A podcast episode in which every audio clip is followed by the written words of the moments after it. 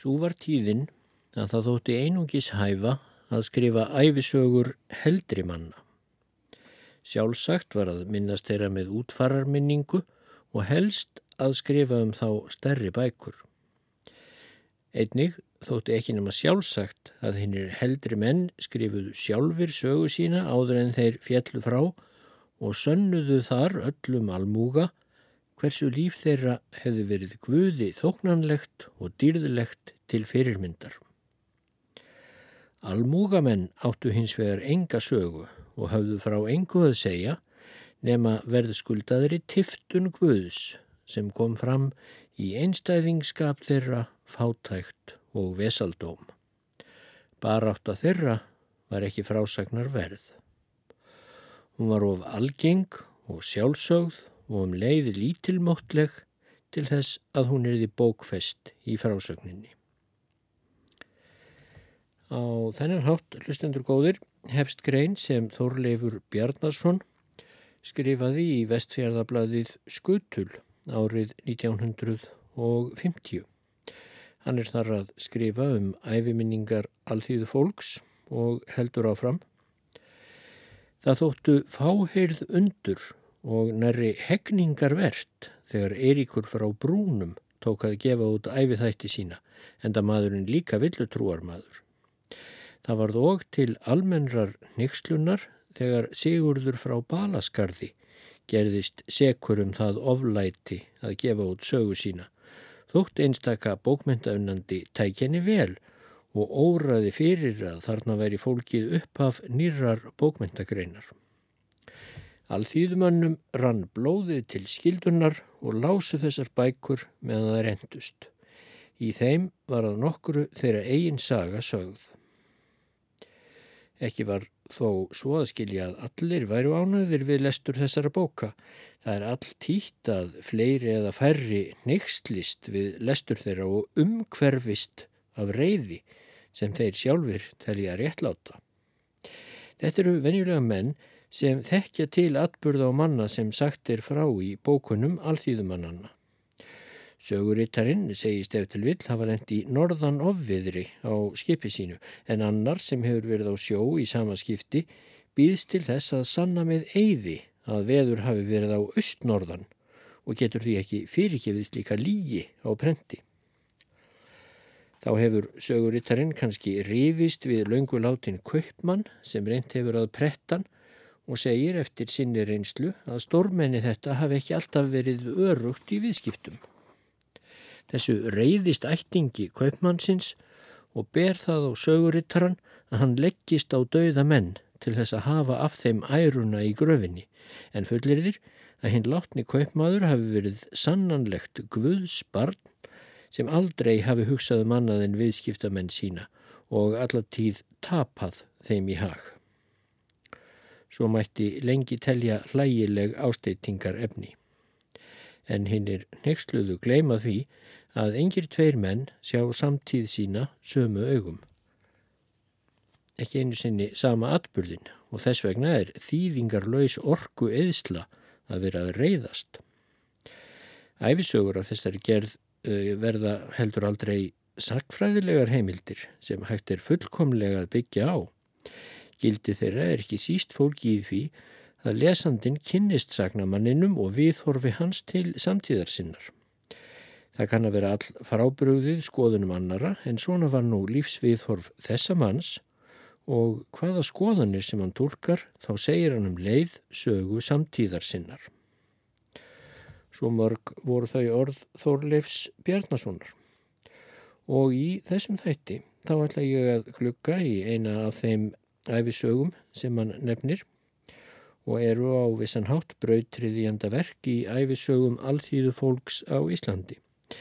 Þetta er æfisaga Sigurðar á Balaskarði sem langminnugir hlustendur þessarar litlu þáttarhaðar minnast ef til vill að hafa hirt minnst á áður.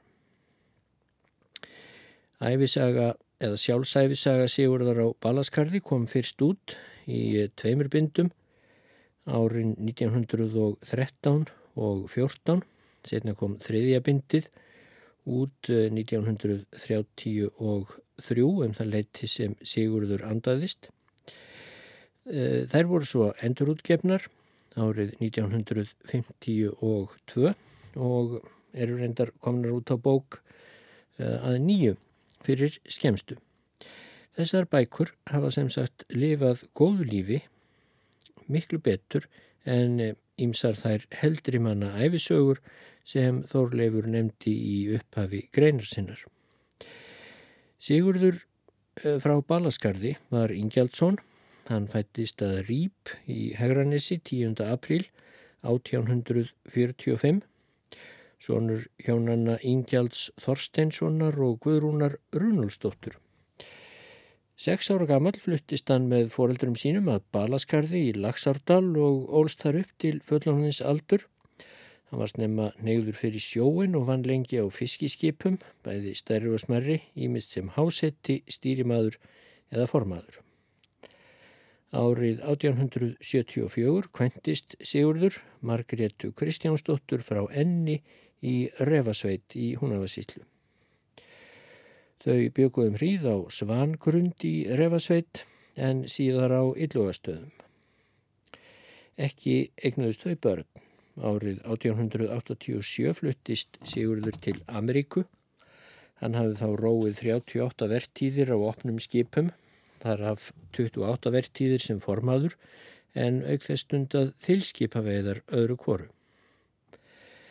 Hann flakkaði nokkuð um í Kanada fyrstu misserinn en settist svo að í Gimli og dvaldi þar til æviloka. Hann misti konu sína árið 1908 en andaðist sjálfur í Hári Elli á jóladaginn 1933, 88 ára að aldri. Og eftir að hann misti konu sína og bjó einn í kofa í Gimli þá fór hann að skrifa fyrir nefnda æfisógu sína sem hann gaf út í nokkrum hlutum og eins og Þorleifur gatum í greininni sem ég vitnaði til hér í byrjun þá vöktu bækur Sigurðar ekki beinlýnis aðdáun þess sem nú myndi vera kallað bókmentastofnunin en voru lesnar af alþýðumanna upp til agna og nú á, nú á tímum eru þetta taldar hinn merkustur eitt. En Árið 1935, þegar bækurnar voru enn til tullega nýjútkomnar, þá var minnst á þær í nýja dagblæðinu í naflausum dálki og þar segir að í tilefni af því að út er komin æfisaga eftir íslenskan alþýðumann og eh, bladamæðurinn getur þess að bókin minni sig helst á sögu Sigurðar Ingjaldssonar frá Balaskarði. Og svo segir hann Það er bók sem lítið hefur verið umtalað og ekki mann ég til þess að nokkur maður hafi hrósað henni. Samt mun hún vera uppseld fyrir nokkuru. Sú bók er einstaklega manneskjuleg og alveg frábærlega fráðuleg um æfikjör almúgamanns á Íslandi á ofanverðri 19. öld. Mér skildi ekki undra það, þótt ástæðan til þess að þeirri bók hefur ekki verið herra komið en raunir á sé svo að höfundur var umkomulaus og blásnauður rakningsmaður lengst sinna ræfi og rökklaðist loks af landibrott. Hann var hvorki skáld en ég mentamaður, vantaði sem sagt algjörlega gildu bóluna í leggjarendan, Sigurð Karlinn. Egið síður hefur alþýðamanna íslensk háfaða laust og heimamannlega leittan í bæin og að því kemur að bókin hans verður hvarvetna mikil smetin og meira en sumt að sem nú er kallað bókmyndir öðru fremur. Og um svipaleiti þá segir í sunnundagsbladi Alþýðublaðsins um bókina Ein af merkustu bókum íslenskum sem skrifaðar hafa verið á síðustu tímum er samin af óbreyttum og lít upplýstum alþýðumanni húsmanni í sveit, ferðarlang, útróðurarmanni og skútukalli. Það er æfisaga Sigurðar Ingjaldssonar frá Balaskarði samin af honum sjálfum vestur í Kanada en kom út hér í Reykjavík 1913 og 14. Verður þessi bók vafalust lesin með aðtikli lungu eftir að hljóttir orðið um fjöldabóka er lærðir og kunnir rittöfundar Sigurði samtíða hafa látið eftir sig en miklu lengur verður svo leitað þongað heimildaðum lifnaðarhætti og lífskjör alþýðu á þeim tímum er bókin nær til, málfar hennar og hugsunarhátt. Og ég ætla að grípa niður þar sem Sigurður ákveður að fara til Ameríku. Hann er þá búsettur á Illugastöðum í Húnavarsíslunni. Það er árið 1887 og mikil harðenda tíð hefur gengið yfir Ísland. Og hann skrifar Já, þessi vetur var mjög harður og heginn slæm, svo skeppnur gáttu varla að lifað á þeim og fór mér ekki að lítast á og vildi fara að komast til Ameríku sem mig hafði aldrei langað til og verið heldur á móti að farið værið þangað. En það var ekki þægilegt að komast því það var rétt ómögulegt að selja nokkur hlut í því árferði og voru efni mín orðin heldur lítil en ég vildi endilega reyna að komast. Því það var síður minn ef ég tók eitthvað fyrir að hætti ekki við það, hvað erfitt sem það síndist vera. Ég fór samt að reyna að selja skefnur mínar, þær voru í góðu lagi, svo ég gatt komið þeim út en þó með mjög lágu verði.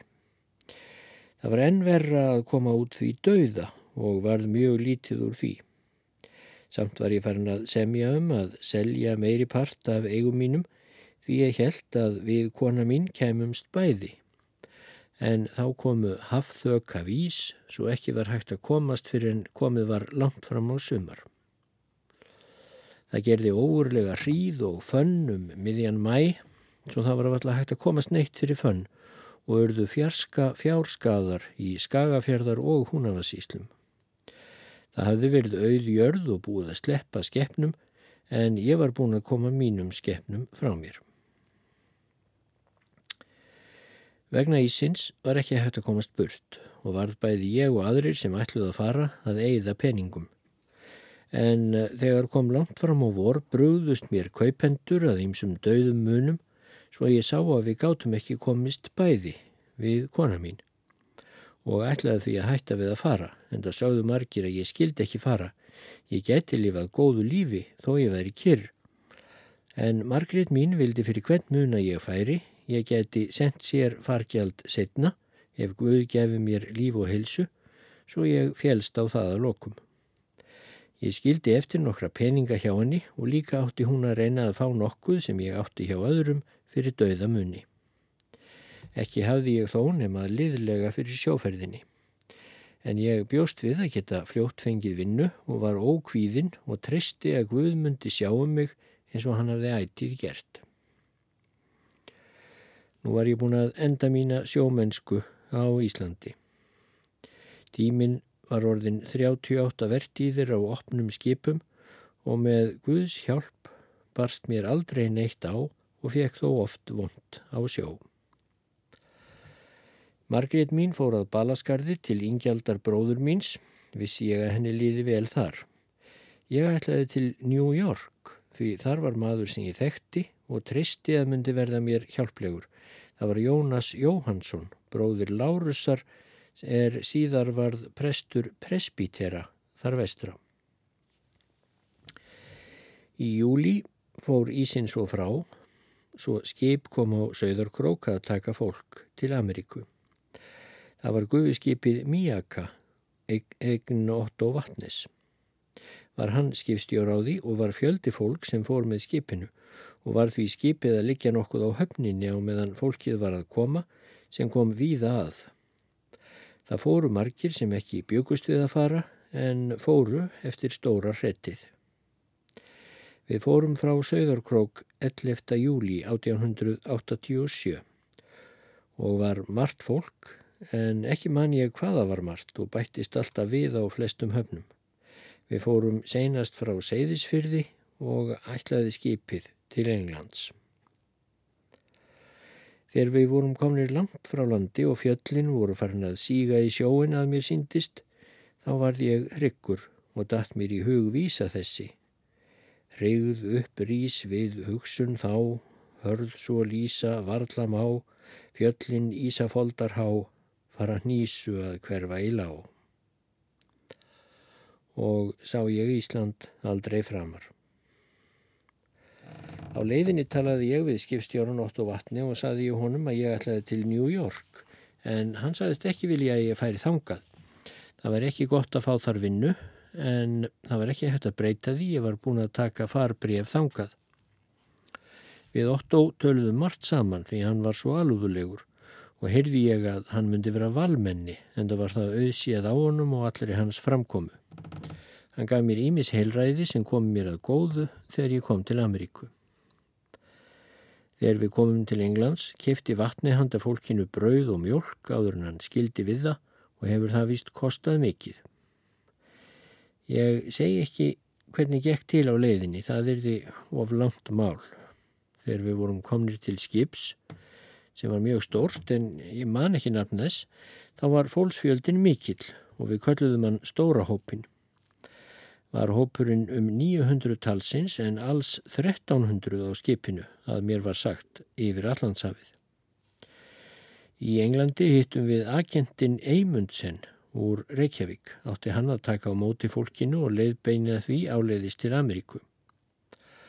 Ég sínd honum far bref mitt því ég hafði heyrt að ég er að fara á öðru skipi en því sem færi til Quebec en hann sagði að það væri sama þó ég færi til Quebec. Ég kæmist þaðan til New York og trúði ég því. Við fórum frá Englandi 17. júli og vorum tíu daga yfir hafið til Quebec og vorum þar einn dagum kyrt. Var þá B.L. Baldvinsson þar stattur að taka á móti fólkinu. Þá var verið að afhenda fólkinu hjártbrötarbrefin til Winnipeg. Ég vissi að ég var ekki í þeirra, þeirri tölu en ég þurfti að komast hangað sem ég ætlaði svo ég síndi þeim sem afhendi hjártbrötarbrefin mitt bref. En hann saðist ekkert geta gert í því, Baldvin er það að sjá um það. Síndi ég þá Baldvin farbref mitt en hann sagði að ég hefði átt að fara á öðru skipi yfir hafið til New York og væri ekki gott viðgerðar en ég sagði að mér finnist línan vera skildu til að koma mér á þann stað sem ég hefði farið brefið til og sagðan það satt vera. En svo segir hann, vilt hefur nú ekki gera það fyrir mig að fara með mér, ég skal flytja þig 300 mílur upp í land og keipis og skaltu hafa nóg að vinna og nóg að geta. Nú mér fannst þetta gott og saðist taka því. Nokkur setna voru nokkur kallaðir saman og ég líka og saði Baldvin að það væru þeir útvöldu og vorum við allir spurðir um nöfn og aldur og það bókað og komst ég að því að þetta voru þeir sem ekki höfðu farbref nema yfir hafið og ætlaði hann að flytja þá upp í landið eins og mig og útvega þeim vinnu. Þegar þetta var búið saðan að allir mættu fara að sofa en þegar allir voru komnir til náða vitum við ekki fyrir en hann kallar alla á fætur tafarlaust og segir að lestin sé að leggja á stað. Man ég eftir óonægjunni og möglinu í fólkinu yfir þessu. Það var ekki gott að rýfa upp börnin nýji sopnuð, en það var engin vægð með það þótt að veri myrkur og há nótt.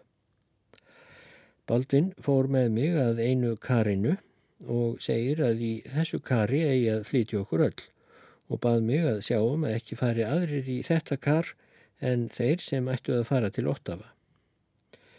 Ég tók þetta að mér en sá eftir því því ég fekk nóar skammir hjá sömum þegar ég var að banna þeim að fara í þennan kar eða vagn.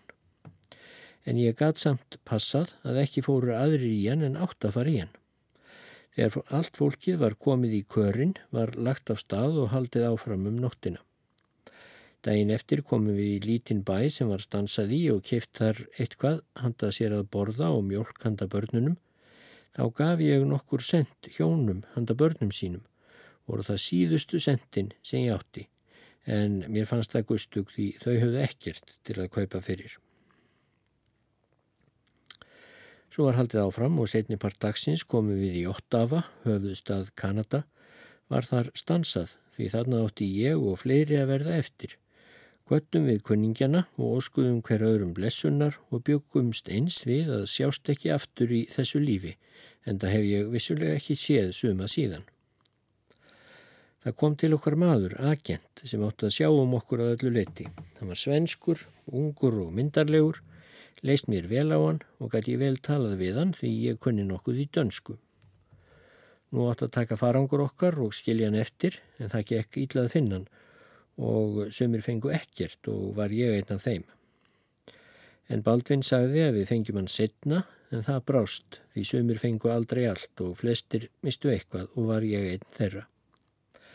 Lestin fór af stað en maðurinn fór með okkur langt inn í borgina og þótti mér það stórkostleg bygging, engum ráðhúsið, en ekki neitt skrautlegt. Þegar fór að dimma var kveikt á gasljósum, mér þóttu þau björnt og bar hverki skugga á að mér síndist. Lóksins komum við að emigranta húsinu. Var það mikið hús. Fengum við þar góðan kvöldmatt og voru rítuð nöfn allra og aldur í eina bók. Svo voru allir látnir ganga til kvílu og voru einhleipir karlmenn sér og kvennfólk og hjón með börn sér. Ég hafði gott rúm, sváfum tveir saman. Morgun nettir fengum við morgunmatt en þegar búið var að borða voru allir kallaðir saman og skoðaði agentinn þá nákvæmlega með augunum og spurði um helsu, hvers og barnana. Þeir sem höfðu lasin börn eða voru lasnir voru kyrrir og sagðist hann ætla að sjá um þá en hann sagði að við sem frískir værum ættum vinnuvísa 50 mílur norðaustan þaðan og væri kaupið 16 dólarar um mánuðin og frít fæði.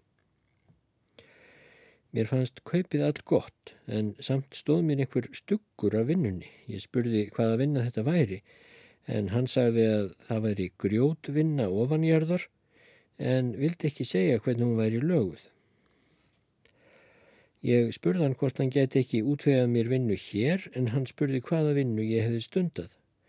Ég sagðist helst að hafa stundað sjómennsku.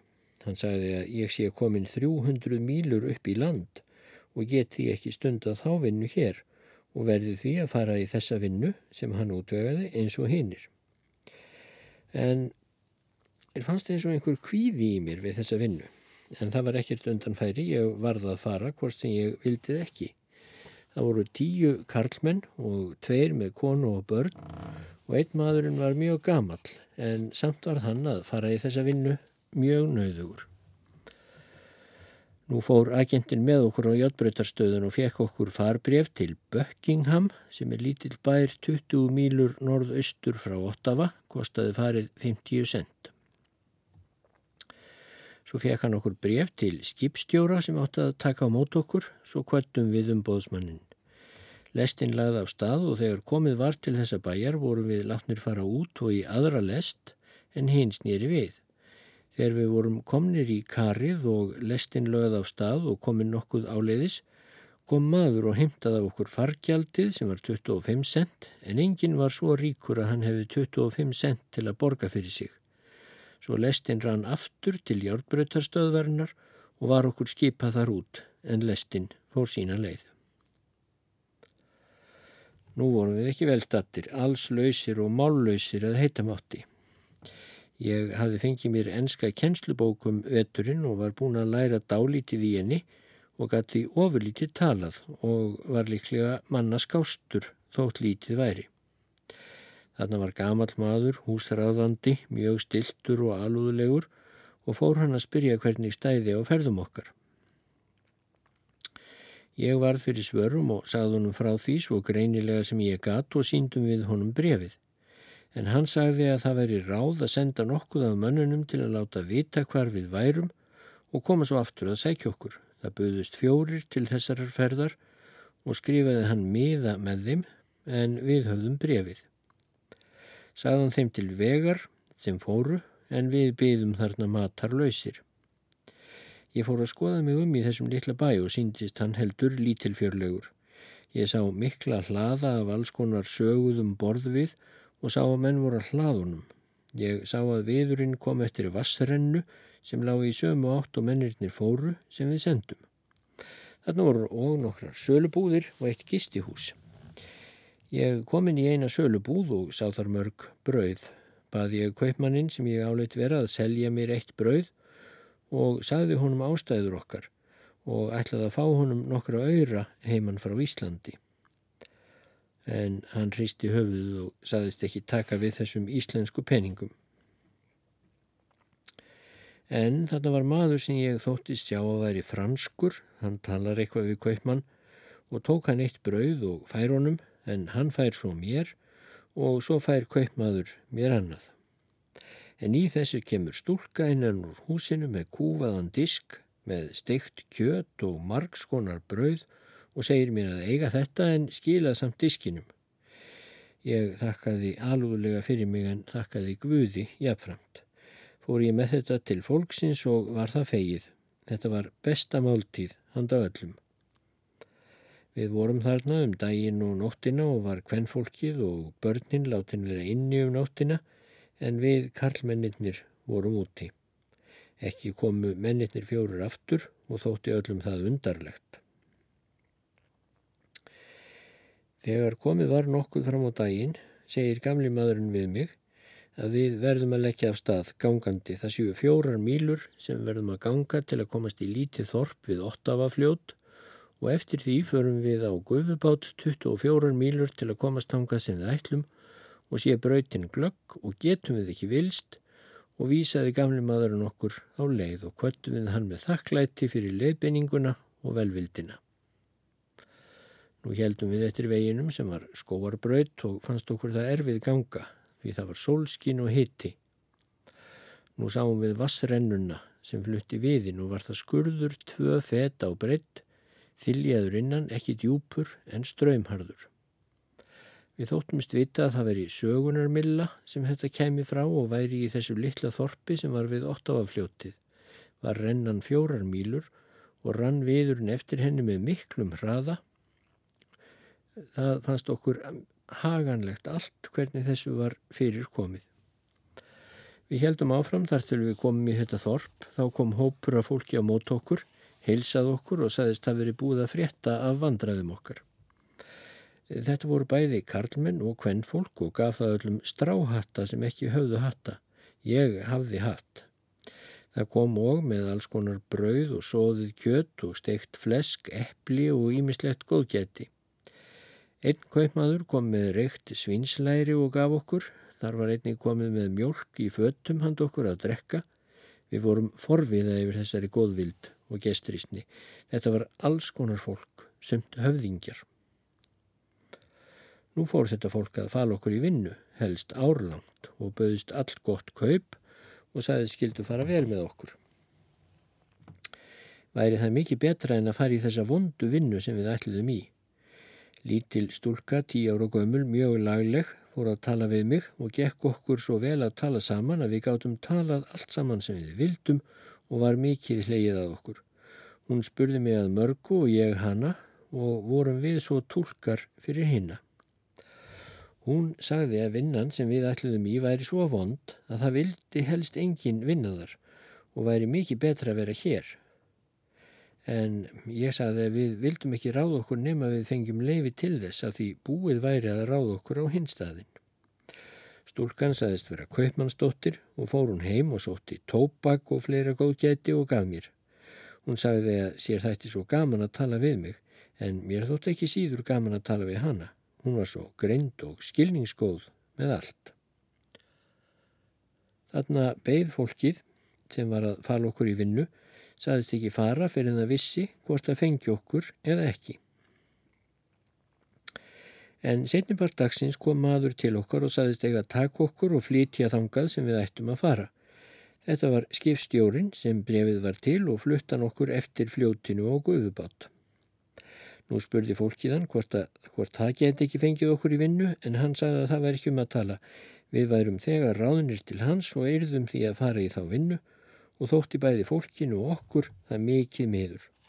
Svo kvöttum við fólkið með alúðar þakklæti sem það átti sannarlega skilið, svo stígum við á guðubáttin, lagði hann á stað með hraða eftir Ottavafljótinu norður Ottavadalinn og var það fallegt hérað, nokkuð háfjöll með grasi og skói vöxnum hlýðum og ímist akrar eða tún, allt vel rektað, byggja þar frakkar voru víða sölubúðir en sumstaður ostagerðarhús því þarna var talsvert kúabú.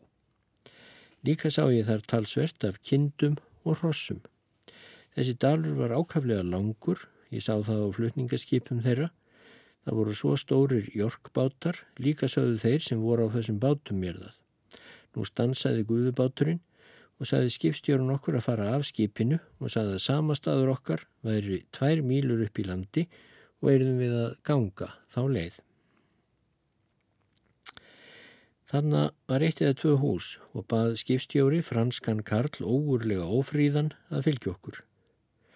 Ég held þessi Karl væri vondur maður mér leys og ítla á hann en það skjáttlaðist mér því þetta var allra besti Karl. Ég vissi það síðar. Við fórum með kallið þessum og var skóarbraut tölvert upp í móti og gekk ferðin seint. Lóks komum við í dáliti Þorp sem var í Dalverpi og var þá dagur að kvöldi komin. Var vel tekið á mót okkur og við látnir fara inn í stórt hús, voru allir settir við borð en allir voru listarlittlir en það vorum við ekki svangir eftir góðgerðirnar hjá góðafólkinu. Svo voru við látnir farað hátta og fengu allir rúm, sváfu tveir karlmenn saman.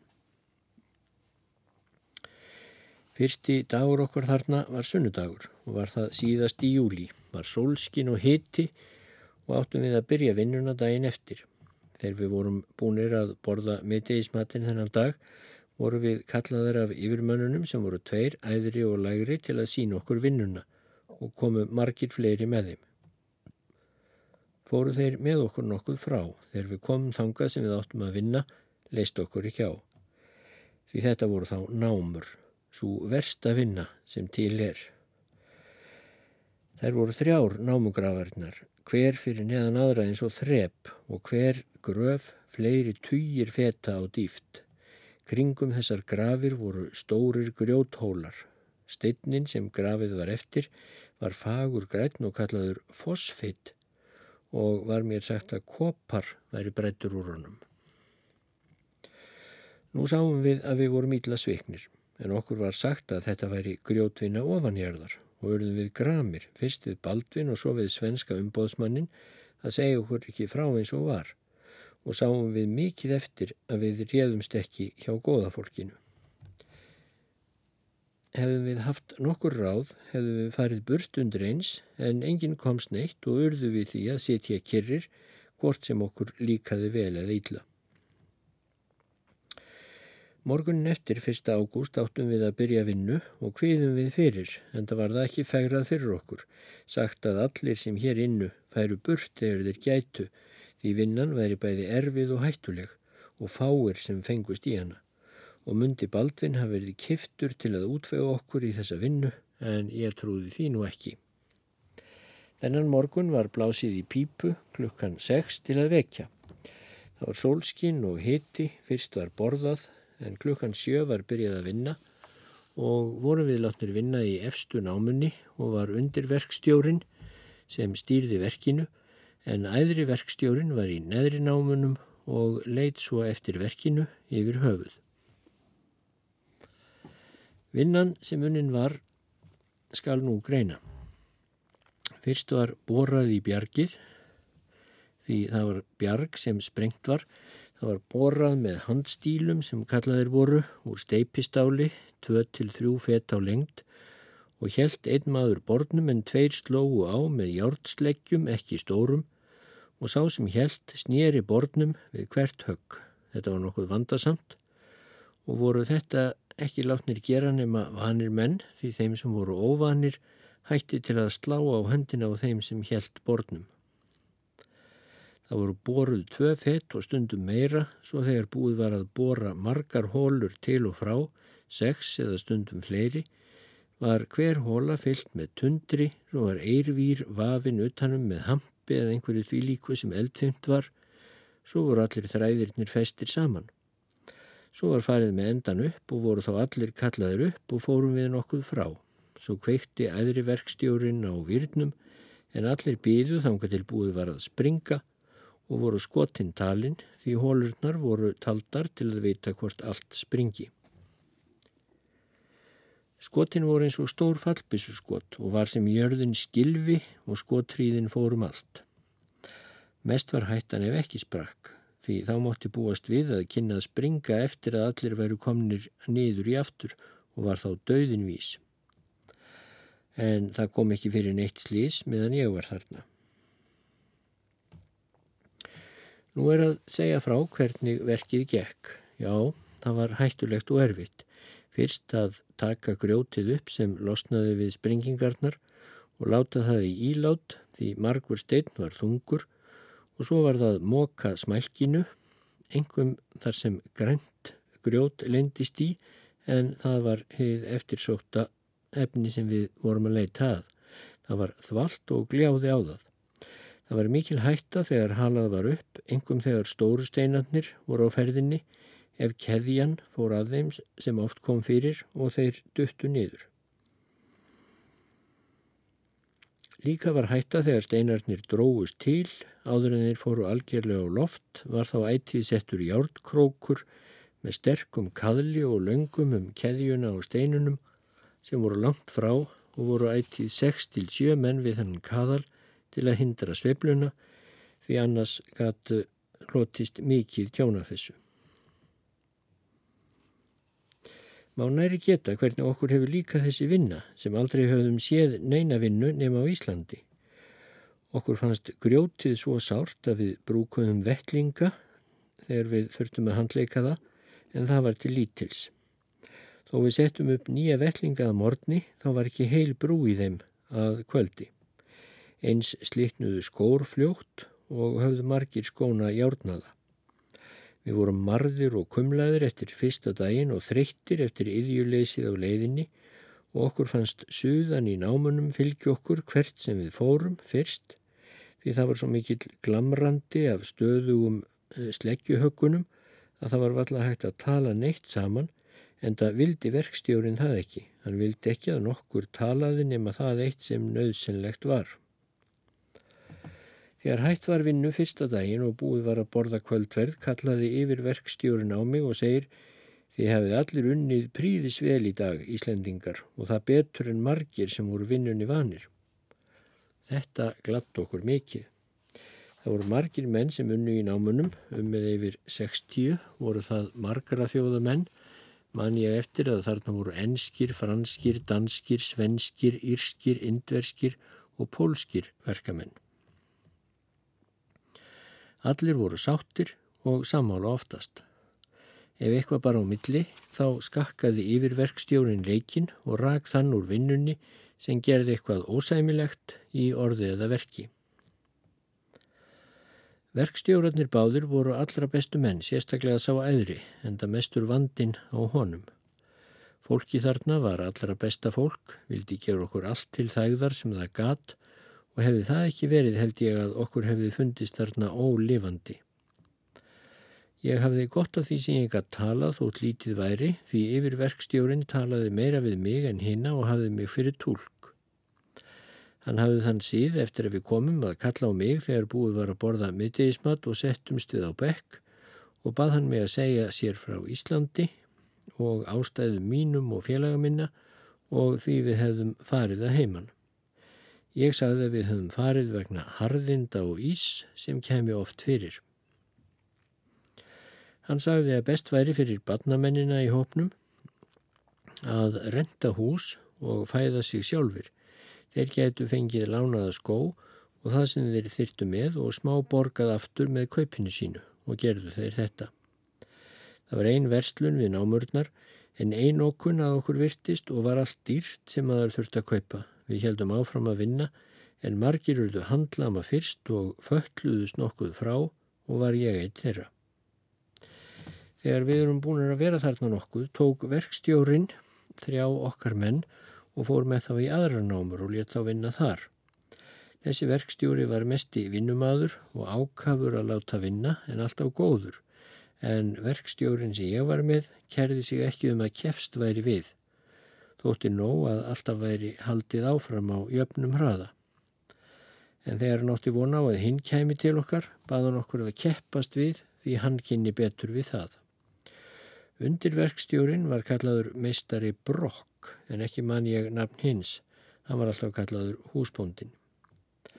Mikið leittist mér þessi vinna því á hverju morgni þegar við fórum ofin í námurnar máttum við eins búast við að komast ekki lifandi þaðan þann daginn.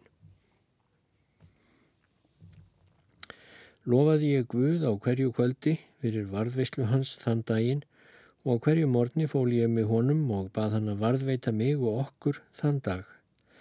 Mikið hlökkuðum við til hvers sunnudags, já eins og ættum von á stóru veistlu, því þá fenguði kvíld og þurftum ekki verið í námanum. Ég las húslestur á sunnudögum. Oft losnaði ég við að vera í námunum sem var að því að ég gæti dálítið talað ensku eins og ég sagði á þann. Yfir maðurinn sagðist gera það svo ég þyrti ekki alltaf að vera í námunum.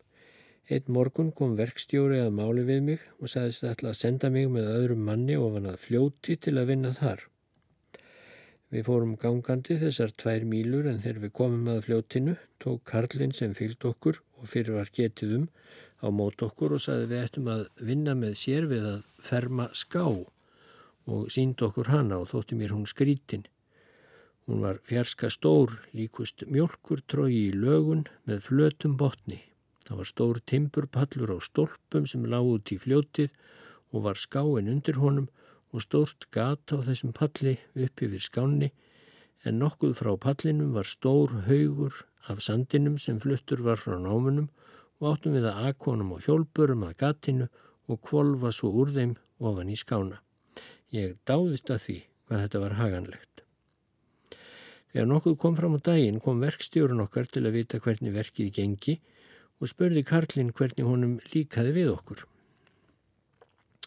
Saði Karla sér líkaði vel við okkur, var þá verkstjóri ánægður og fór. Karl saði við skildum vinna hægt því það var sólskin og hiti, hann var mjög alvöðlegur. Þegar komið var að miðdegi, saði Karl okkur að koma með sér að borða og fór með okkur í dáltið Loggahús og var þar gömul kona og ung stúlka. Ég þóttist vita að þetta væri kona hans og dóttir. Þær voru báðar myndarlegar, gamla konan var mjög feitt. Við heilsuðum þeim og tóku þær því gladlega, sá ég á þeim að þær voru ánægðar. Það var búið að bera á borð og sá ég að það var mikið betra og markbreyttara en það sem við höfðum venjulega.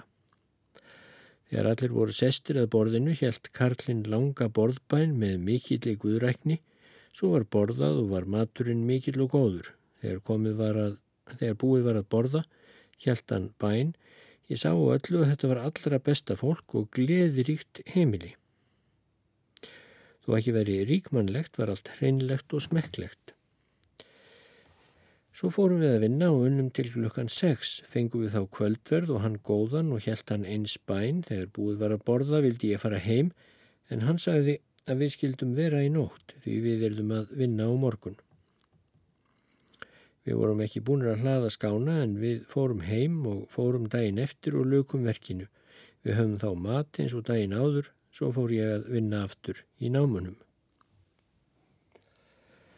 Eitt morgun segist verkstjórun ætla að senda mig í burtu í aðrar námur þar sem landar mínir innu átti ég að fara með brauð og fleira sem þeir þyrtu. Ég held ég rataði ekki en hann sagði mér vel til vegar, sagði ég kemað posthúsi sem hétti High Rock og þar skildi ég spyrja til vegar, svo fór ég af stað en þegar ég var komin nokkuð áleiðis mætti ég tveimur enskum stúlkum. Það er heilsuðu mér, spurðu hvert ég ætlaði, ég sagði þeim það. Þær sagði að ég skildi fara varlega því á leiðminni væri mannskæður hundur og ætti hann heima í næsta húsi hér frá og svo væri High Rock næst. Ég þakkaði fyrir leiðbynningun og kvatti þær. Þegar ég var búin að ganga um stund sá ég hús. Þá fekk ég mér sterkan viðarlurk til að verja mig með ef vondi rakkin kæmi og var óhrættur. En þegar ég var komin nálat húsinu kom hann urrandi og geltandi á móti mér. Ég bjó mig til bardaga en þá kom maður út úr húsinu og kallaði til hundsins svo hann fór heim. Svo held ég eftir mjög ríku öttu þangu til ég kom á háa hæð. Þá sá ég stórt hús og einkennilegt með mörgum glukkum á þakkinu og hafði ég sjaldan séð því umlíkt. Þar gerði ég vart við mig. Sá ég þar marga menn sem ég sá að voru verkamenn höfðu þeir verið að borða miðdegisverð. Ég spurði þá hvort þetta væri high rock sögðu þeir svo að vera.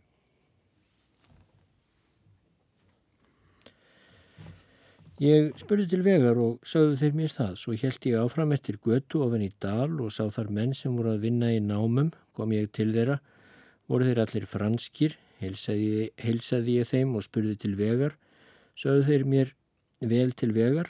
Ég heyrði að þeir voru kátir og skrafhrifnir eins og frakkar eru vanalega. Svo kom ég í djúpan dal og þar fann ég landa mína og þótt okkur væntum að finnast. Spurði ég hvernig þeim liði og letu þeir ekki ítla yfir því. Þeir sögðu að þarna væru margar námur og væru flestir franskir sem þar innu og væri verkstjórin minn aðal umsjónarmadur yfir öllum þessum námum. Vissi ég þá að hann hafði mikið að hugsum og var hann oft ríðandi á ferð. Hann var alltaf sívinnandi. Ég tafði lengi hjá löndum mínum og fekk góðgerðir og kvatti síðan, helt heim og gekk vel og losnaði þann dag úr námunum. Já, ég losnaði oft úr námunum því ég var látin gera annað. Bræði Sigur Jónsson, rittumundur, hann skrifaði í bladið Stíganda um bækur á borð við sjálfsæfisögu Sigurðar á Balaskarði. Margir kínleir kvistir hafa sprottið á akri íslenskara bókmenta. Það er engur líkar en það hafi verið örlöksumrað verða rittuhundar þótt flestar eitri aðstæður leðust á eittum að spórna gegn í. Jón Indíafari, Eiríkur á Brúnum, Sigurður frá Balaskarði, Theodor Fridriksson, svo nöfn síðan hefnd. Fátæktin var þeirra fylgikona, skólar og mentasettur hafi ekki verið innan seilingarlengdar þeirra, tómstundirnar hafi ekki verið þeim tiltækar hvena sem andin var reyðubúin og þannig mætti lengi telja að allar aðstæður hafi verið eins erfiðar og framast er hægt að hugsa sér. Og þó, þó hafa þeir skrifað og skilað arfi sem lengi mun þykja förðulegt afreiksverk.